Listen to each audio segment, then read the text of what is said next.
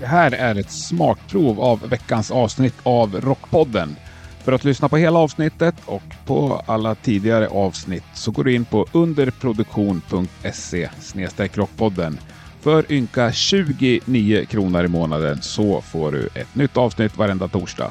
Precis som vanligt.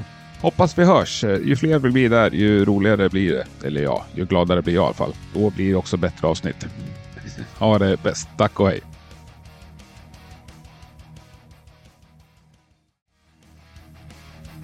Rockpodden finns nu mera på underproduktion.se. Eller ja, den går ju att lyssna på på alla poddappar, men du behöver gå in dit och registrera dig. För 29 ynka kronor per månad så kan du sedan lyssna på precis allt som släpps. Gör det. Nya avsnitt kommer varje torsdag precis som vanligt. Underproduktion.se snedstreck rockpodden. Vi hörs!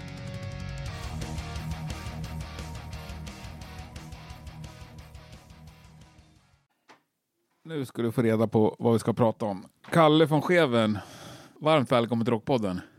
Tack så hemskt mycket. Du har ju varit med på ett hörn. Du har ju nämnts väldigt många gånger genom åren. Ja, och sen så tänkte jag på, jag var ju med på den här strängen Jag vet. om rock på svenska.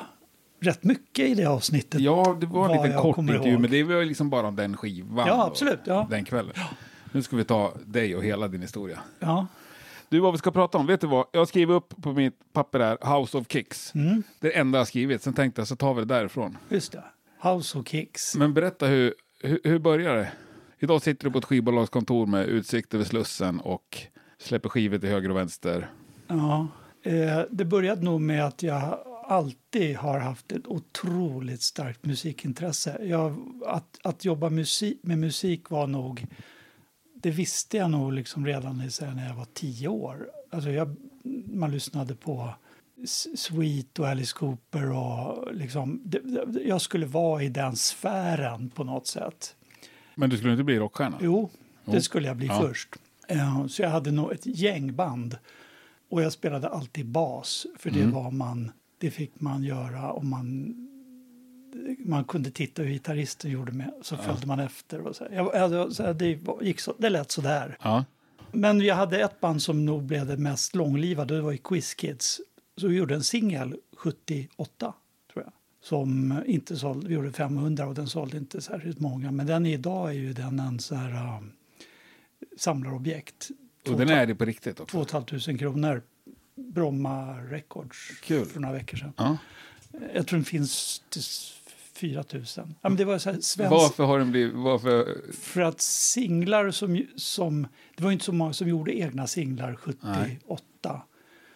Och de som gjorde singlar som var bra, de pressade ju om det blev fler upplagor. Och så här. Den här vi gjorde 500, 350 är nog in, liksom hamnade i garderoben. Så det kanske bara finns 150 stycken av en singel som är gjord 78. Hur många har du? 100, 149. Nej, 10 kanske. Jag vet inte. Ja, men du har tio i alla fall? Ja, eller, ja, något sånt. Ja. Det kanske finns 250 Ja. men det, blev så här, jag vet inte. Det är konstigt med musik. Så jag var intresserad av musik. Det var grejen. Och så en kompis till mig som heter Roger, han och jag startade ett skivbolag för vi ville, vi, vi, vi ville, vi ville vara med i branschen. Så vi startade ett eget skivbolag. Hur, hur gamla var ni då? Nej, Då var vi ganska 25, 24, 25. Ja, men ändå liksom 80 snudd på vuxna. ja, början av 80-talet. Mm. Och eh, med ett band från Köping som heter Protectors. Och så gjorde vi sex, sju vinyler med olika band som vi sålde. Vi hade någon liten distributör. Så vi, liksom, vi levde ju inte på det, men vi gjorde de här skivorna. Men då hade du ett annat jobb och så annat fick det försörja. Ja, precis, precis.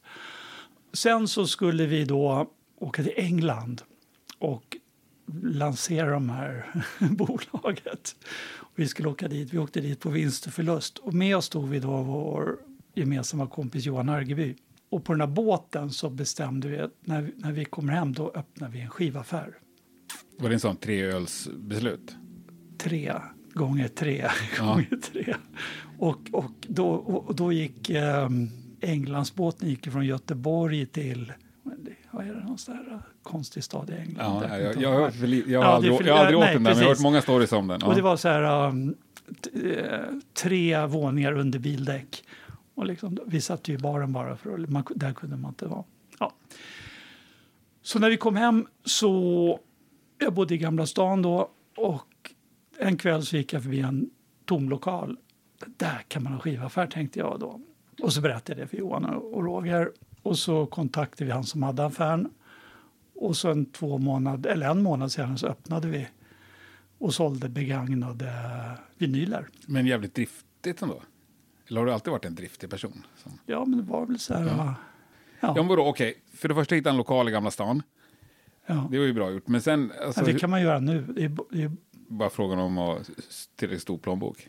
Ja, ja, men, men eh, jo, men du måste ni få tag i plattor, måste ha någonting att sälja. Ja, liksom. då tog vi nog, vi tog, undrar om vi tog lite av våra egna skivor. Och sen så vet, hade vi några så kontakter med folk som, man kände ju folk som höll på och sålde skivor hit och dit. Mm. Så jag vet att vi köpte av någon kille, vi köpte en resväska full med vinylsinglar för 20 000. Mm. Och så, så, så sålde vi dem sen för ja, lite mer. Mm.